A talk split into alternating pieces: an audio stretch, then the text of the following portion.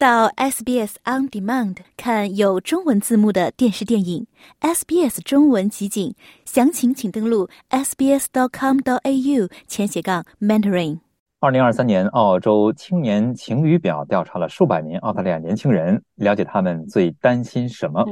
我采访了参与这项研究的蒙纳士大学青年政策及教育实践研究中心研究员邓自红博士。邓博士您好，您好。首先呢，我知道这个晴雨表示调查与近期公布了这个调查数据，能首先请您给我们介绍一下为什么进行这项调查吗？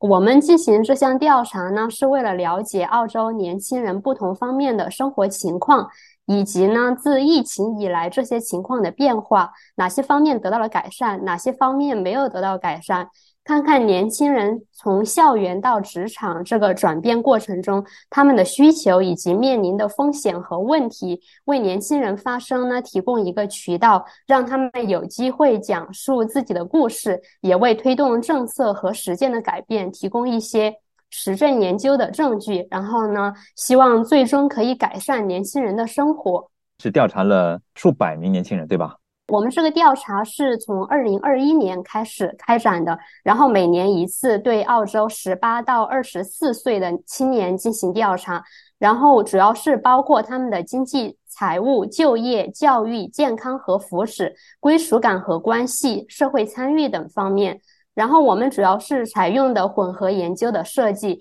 包括问卷调查，还有半结构式的访谈。然后呢，同时我们中心还有一个青年参考小组，这个小组里面的成员也是十八到二十四岁的年轻人，就从他们的视角为这个报告写了介绍，然后并提供了他们的一些建议。调查的最核心的部分就是这个调查的发现哈，您能给我们简要的介绍一下这个调查的主要发现吗？年轻人最担心什么？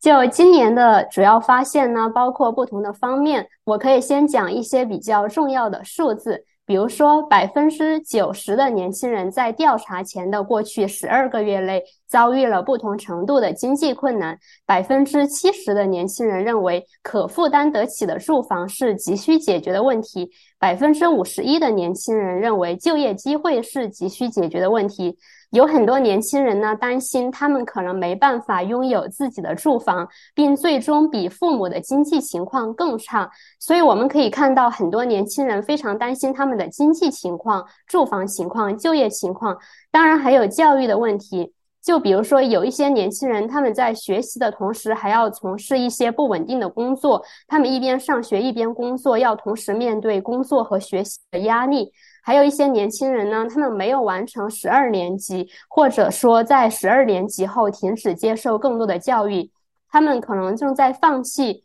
能改善他们长期的生活前景的教育和培训，特别是来自低收入家庭的年轻人。然后呢，在接受调查的年轻人中，只有百分之五十二的人认为他们所受的这种教育为他们的未来做好了准备。在竞争激烈的劳动力市场，就高学历可能并不能带来理想的稳定的工作，而且技术的发展也对工作所需要的知识和技能提出了新的挑战。除了这些问题呢，还有气候变化和地缘政治的问题。百分之四十二的年轻人认为气候变化是急需解决的问题。除此之外呢，还有性别不平等和种族不平等的问题等。就面对上面提到的这些问题，大多数的年轻人在过去十二个月内都感到不同程度的焦虑和担忧。以上的这些数字呢，来自问卷调查。同时，在和年轻人的访谈中，他们提到住房、经济和财务、就业、学习、气候变化以及心理健康是他们最关心的问题。问卷调查的结果和访谈的结果是相互印证的。嗯，根据您的了解，其他国家或地区有我们澳大利亚类似的调查吗？其他国家和地区也有这样的调查，比如说联合国儿童基金会和盖洛普合作的童年变化项目，他们在二十一个国家调查了十五到二十四岁的年轻人和四十岁及以上的人，他们通过这个调查来探索童年的变化，并更好的理解在今天长大是什么感觉，年轻人看待世界的方式有什么不同，来更好的理解年轻人的想法。他们的调查结果显示，就是。是平均来说的话，百分之五十九的年轻人认为和父母这代比起来，如今的孩子在成长过程中面临着更大的，就是要在生活中成功的这种压力。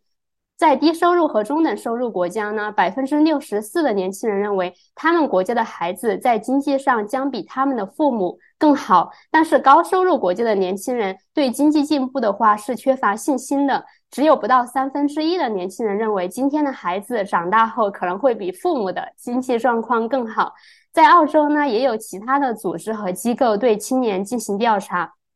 比如说，Vision Australia 对十五到十九岁的年轻人进行了调查，他们的调查发现，年轻人最关注的四个问题是环境、公平和歧视、经济和财务问题以及心理健康。然后呢，澳大利亚青年纵向调查也有相关的数据，这些数据呢在他们的网站上都可以找到。除此之外呢，还有其他针对年轻人的调查，但是这些调查可能有不一样的目的，就不一样的研究方向。但整体来说，就是说刚才您介绍的其他的两三项调查哈，这个结果跟二零二三年澳洲青年晴雨表这个调查的结果，如果是画成图表的话，几乎是基本一致的哈。对，主要的方向是一致的。年轻人对未来有充满不确定性哈，对亲情也有担忧哈。不知道这个研究有没有探讨这个影响？呃，有的，就是我们的研究呢，主要显示了这些影响是相互关联的。也就是说，当这个年轻人。在一个方面遇到问题的时候，他们很有可能在另一个方面也遇到问题。所有这些相互关联的问题，会导致其中一部分年轻人处于一个不好的循环里面。比如说，如果一个年轻人住房不稳定，没有足够的资源过上稳定的生活，那么他们在学习和工作的时候，可能很难去集中注意力，或者说情绪不佳，有焦虑和内耗的情况，这些可能会进一步影响他们未来的经济收入和学习生活情况，就是有一种不良的这种循环的意思。就可能他们很努力的去工作，也很难实现拥有自己的舒适的住房的愿望。这可能会让他们觉得对生活缺乏一定的掌控感，觉得自己的前景比较暗淡。然后呢，经济收入的限制也会影响他们的社交生活和人际关系，可能他们没有这样的资源去参加更多的社交活动。然后，此外呢，社会中的边缘人群受到的不良影响更加显著。比如说，已经有心理健康问题的人，或者说有长期慢性疾病的年轻人，以及原住民青年，他们遇到的挑战是非常大的。当然呢，面对这些结构性的困难和挑战，很多年轻人也还是有希望、有韧性的，发挥了他们自己的能动性。他们并不是被动的去接受这些困难和挑战，他们也有自己应对的方式。比如说，为了提高自己找到工作的机会，超过百分之八十的年轻人正在寻求另外的培训和建议。同时呢，百分之七十三的年轻人在过去十二个月内至少参加过一次不同类别的志愿活动。他们通过参加这些活动呢，感受到了归属感，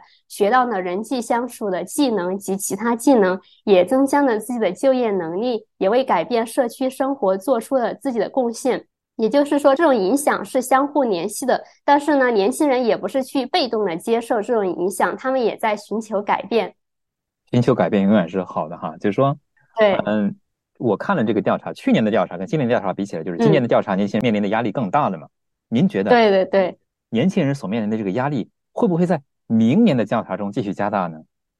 嗯，我觉得这是有可能的，就是这种压力可能会继续加大，因为他们现在面临着生活成本增长的危机、租房的困难、疫情的持续影响、不稳定的就业市场，以及零工经济的兴起、心理健康问题的增加、地缘政治的变化、气候变化和环境问题等等。就是所有这些问题，我觉得可能是他们的影响是长期性的。但如果这些年轻人能得到更好的支持的话，也许他们就会有更多的资源来应对这些压力和挑战。就是在我们的访谈中，有一位年轻人也非常明确的提到，就是他对自己的未来是非常不乐观的，就是对未来如何发展也不确定，因为他觉得有很多不好的事情在各处发生。当然了，我们都希望有负负得正哈，但是往往可能也不尽然哈。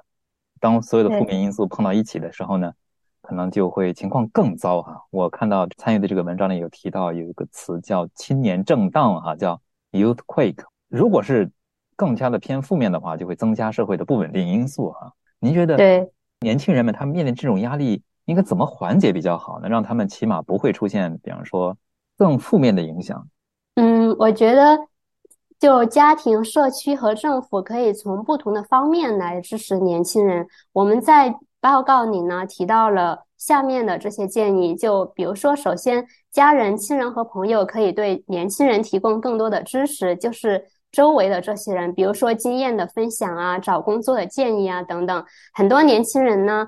在我们的调查中发现，他们都会向家人寻求帮助，特别是在经济财务方面、住房和食品方面。就如果年轻人没有得到家人的支持，那么他们会遇到非常大的困难。但是仅仅有家人的支持是不够的，因为这是一个结构性的问题。就年轻人他们需要得到直系亲属网络之外的更有针对性的援助和帮助。那么构建社会支持网络是非常重要的。呃，我们可以看到很多年轻人觉得他们现在所受的教育没有为未来做好准备，那所以教育部门设计课程的人和学校，他们应该为年轻人提供合适的知识和技能培训，使他们能够在财务规划、住房和食品保障方面做出更明智的决定，特别是租房、买房、纳税、关于金融产品的决策等方面的知识，这些在目前的教育中还是比较缺乏的。然后第三呢，就是地方政府和社区团体可以提供一些促进经验交流的项目，提供在地的平台，然后促进服务和资源的提供。比如说，他们可以组织一些社区花园项目啊，体育活动课程啊，对年轻父母的支持等等。然后呢，不同的年轻人他们可能有不同的需求。比如说，在我们的调查中，有些年轻人工作时间长，工作压力大，而有些年轻人想要更多的去工作，但没法实现。所以，就是对有不同需求的年轻人要提供不同的支持，不能一刀切。